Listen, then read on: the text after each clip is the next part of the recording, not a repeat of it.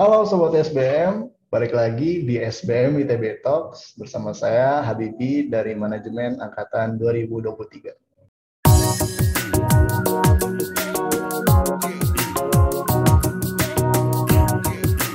Hari ini saya sangat bersemangat karena kita kedatangan tamu seorang tokoh yang aktif di dunia bisnis dan social enterprise, khususnya di bidang atau tema disabilitas, employment, dan inklusivitas. Beliau adalah alumni MBA ITB, inisiator berdaya bareng, COO di Disable Enterprise, dan co-founder dari Tenun.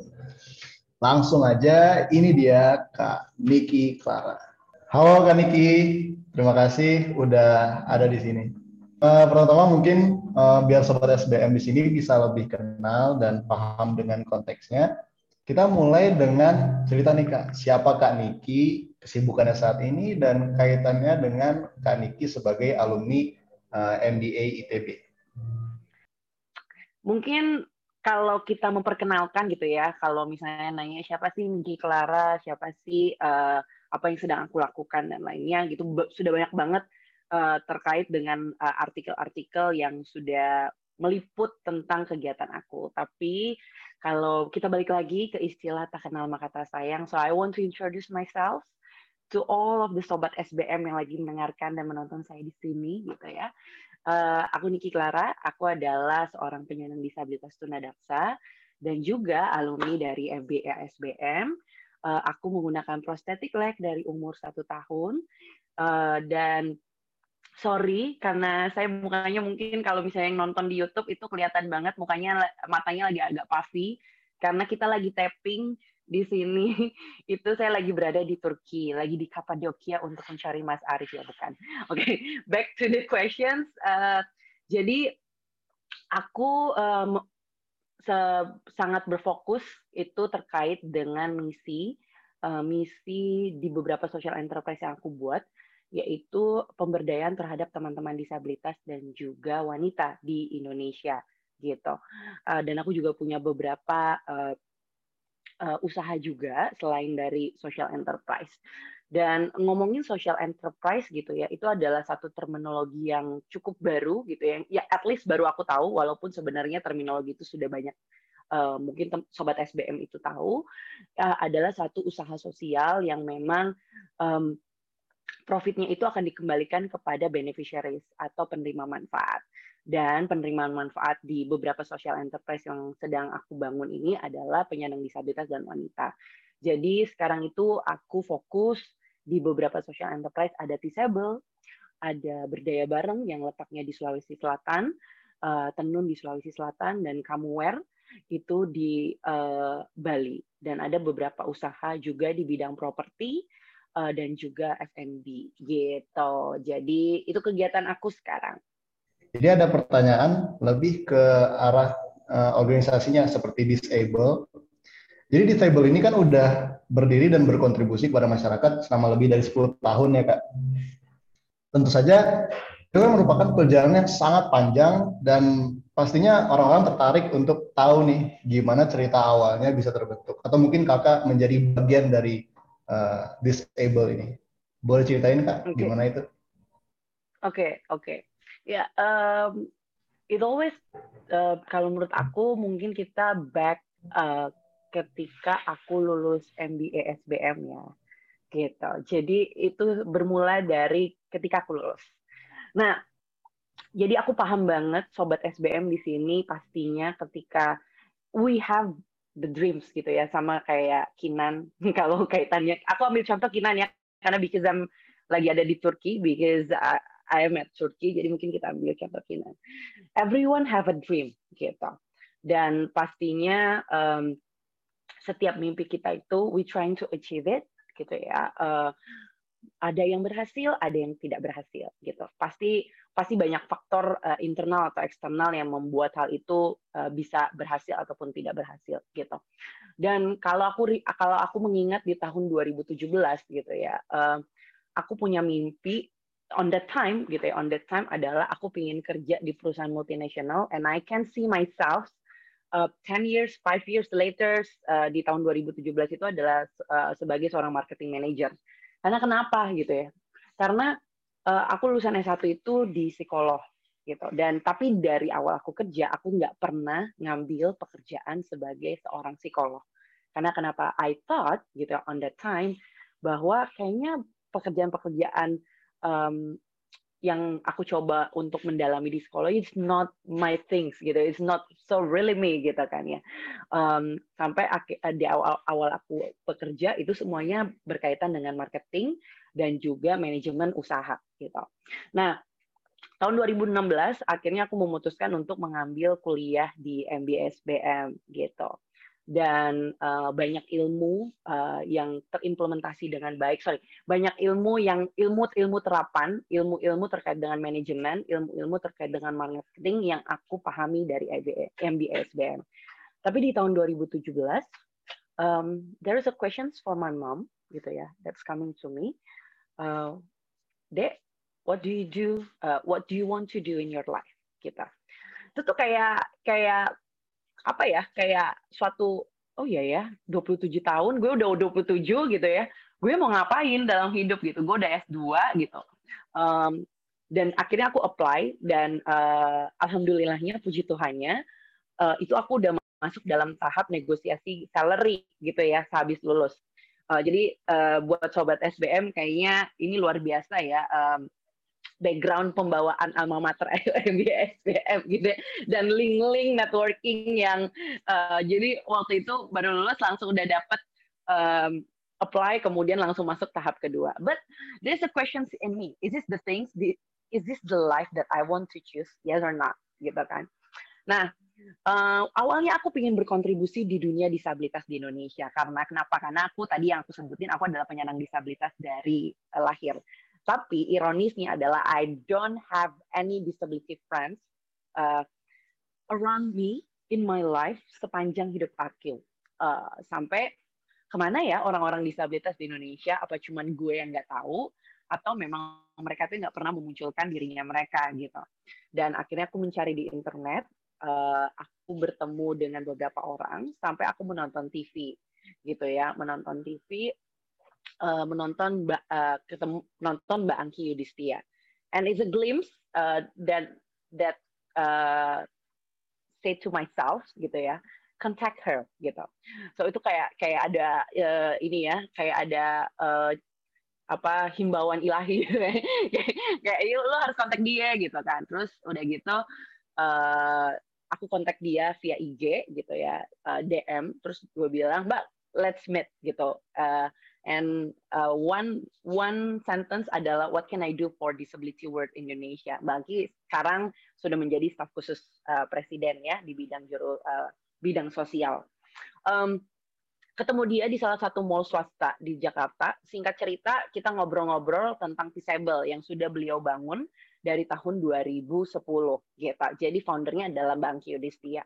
Tapi on that time 2017 Mbak Angki itu lagi sendiri kita karena uh, lagi uh, secara usaha gitu ya sedang ditinggalkan oleh co-foundernya uh, timnya semuanya pergi sekarang Mbak Anggi itu lagi sendiri waktu itu berdua doang dengan satu tim yang pegang komunitas sama juga uh, teman disabilitas uh, yaitu Mbak Fani jadi dia bilang nih gue butuh orang uh, yang paham terkait dengan bisnis because I wanna uh, do a pivoting on my business oh, this disabled uh, uh, my I wanna do pivoting untuk social enterprise ini gitu kan ya.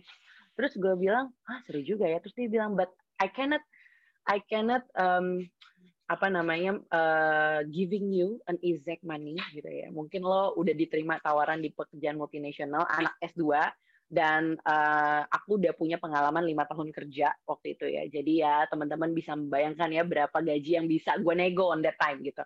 Dan gue ketemu Angki, aduh gue nggak punya hal yang bisa gue janjikan apa pun gitu ya uh, gaji aja gue nggak bisa gitu bahkan gue nggak tahu gue bisa ngasih lo uh, itu UMR Jakarta atau enggak gitu terus gue kayak hah terus gue pikir kayak ini enggak sih hal yang mau gue mau mau gue uh, ambil gitu ya. Terus singkat cerita gue bilang mbak gue uh, gue mau jalan-jalan dulu ya ke India gitu.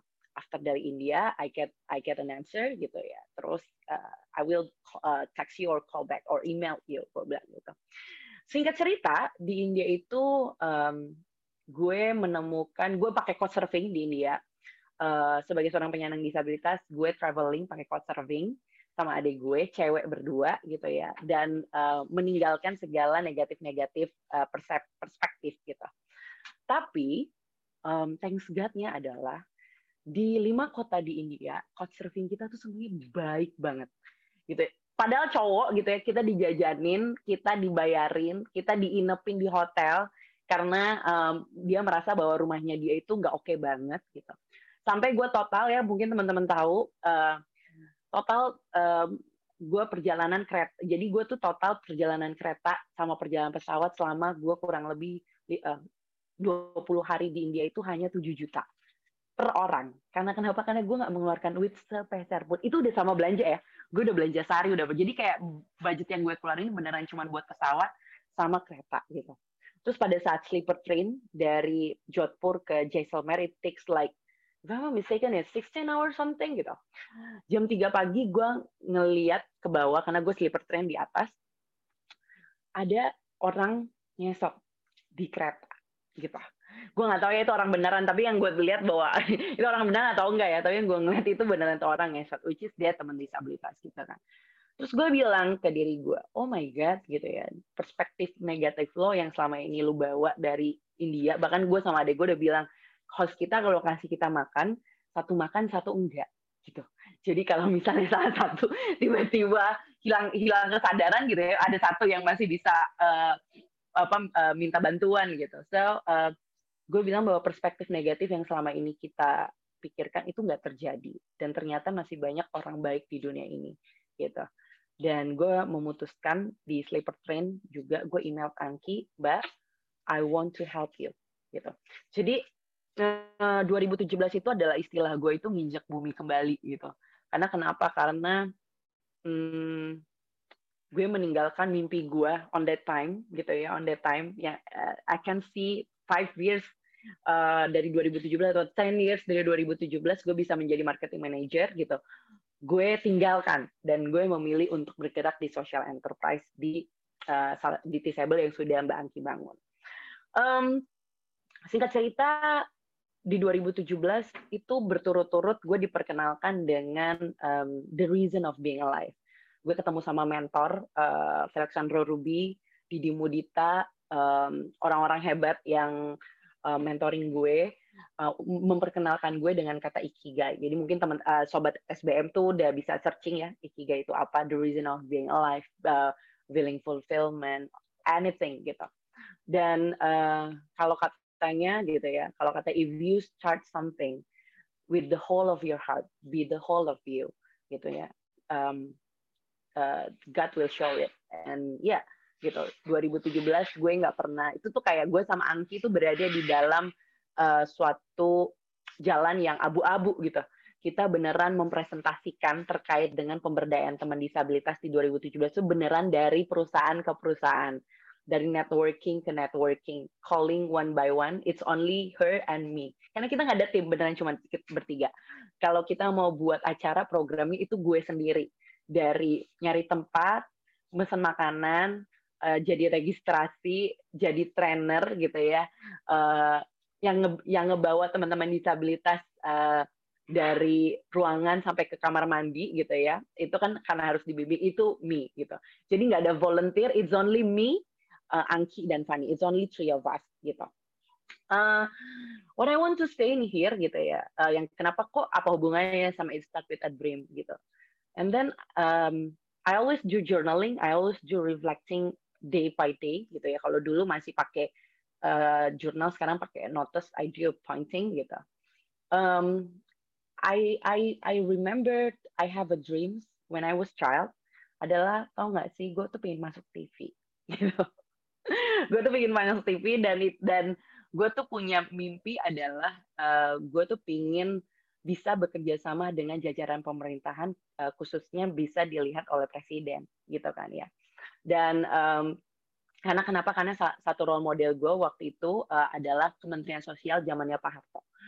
Dan ternyata gitu di 2017 ini ketika gue masuk di social enterprise my dream is start to coming true gitu kan ya. 2017 uh, gue masuk di social enterprise. There is nothing expectation that I really expect gitu ya. Nggak ada dari nggak ada value gitu ya. Kalau sekarang kan ngomongnya orang tuh uh, net gitu ya atau uh, value gitu. Value terkait dengan um, keuangan yang gue cari atau networking yang pernah gue bayangkan. Nggak ada tuh. Nggak ada. Kalau kalau anak zaman now gitu kan mereka harus membuat planning yang begitu clearnya gitu ya. So do I. I I make a clear goals. Uh, I want to go to this company. I want to go to that company. But 2017 I erase that goal and then starting to trying to uh, writing down an unclear goals gitu. Karena social enterprise 2017 tuh masih sangat abu-abu apalagi di pemberdayaan teman-teman disabilitas. Ternyata 2018 Asian Para Games is coming, the momentum is there gitu. Uh, gue bisa meeting sama Bapak Erick Thohir gitu ya. Uh, gue bisa ketemu sama Bapak Presiden, gue bisa salaman sama beliau presentasi terkait dengan pemberdayaan teman-teman disabilitas di sana. Gue bisa pergi ke Amerika free gitu ya uh, untuk belajar uh, selama dua setengah bulan untuk belajar terkait dengan bagaimana pemberdayaan teman-teman disabilitas di Amerika. I get a networking from 150 young young uh, young leaders gitu all around the world. There's there's a thing that I cannot imagine whenever I start to choose this path gitu.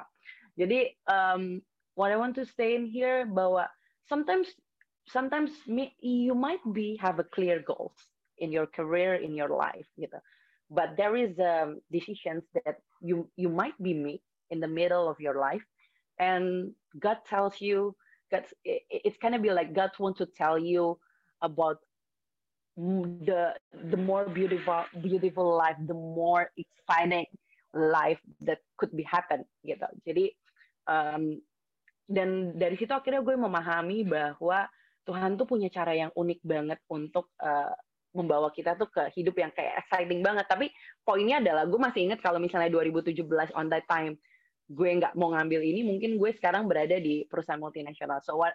So itu sih. Jadi uh, mungkin dari dari terlihat uh, dari terli, dari cerita gue gitu ya. Uh, dari Peaceable, di gue masuk di Peaceable itu 2017 bareng Anki dan di 2018 gue ketemu sama partner gue lagi long haul flight dari Narita ke uh, Washington DC, and then kita start untuk buat tenun uh, pemberdayaan terhadap tujuh desa eh, terhadap wanita desa eh wanita penenun di tujuh desa di Indonesia Timur dan juga penyandang disabilitas dan berdaya bareng di 2019 dan di 2021 aku bangun Kamuware gitu. Jadi semuanya adalah pemberdayaan teman-teman disabilitas.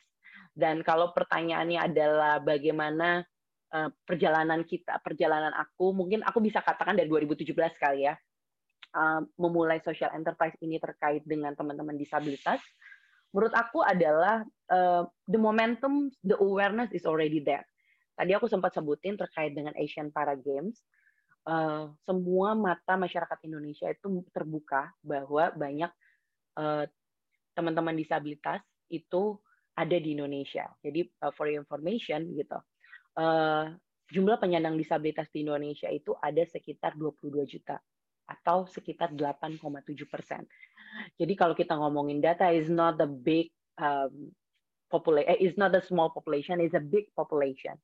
Dan penyandang disabilitas itu ada di dalam kehidupan kita, di sekitar kita. Tapi ironisnya, hanya sekitar less than 5% yang bisa berdaya secara ekonomi gitu. Dan itu adalah PR bukan PR gue gitu ya, bukan PR social enterprise gue, itu PR kita bersama masyarakat Indonesia, uh, itu bagaimana bisa masyarakat Indonesia, pemerintah gitu ya dan lainnya uh, bisa bersama-sama mewujudkan untuk pemberdayaan teman disabilitas dan juga menuju Indonesia yang inklusif. Tapi awareness sebenarnya udah ada. Dan sekarang gue inget banget 2017 tuh masih banyak yang skeptis gitu ya. 2018 ketika Asian Para Games mulai terbuka, um, pemahaman terkait pemberdayaan 2019 pelan-pelan uh, dari sisi pemerintah itu sudah uh, mulai untuk melakukan pendataan apa sih yang bisa kita lakukan terkait uh, hiring teman-teman disabilitas di dunia kerja, upgrade skilling apa yang bisa kita berikan. 2020 uh, aku membawa beberapa uh, beberapa teman-teman disabilitas bukan beberapa uh, part dari teman-teman disabilitas yang sudah ada dalam database untuk mengenal dunia digital. 2021 ini lebih masif lagi. Karena kenapa? Karena kita sudah mulai membangun namanya kolaborasi pentahelix gitu.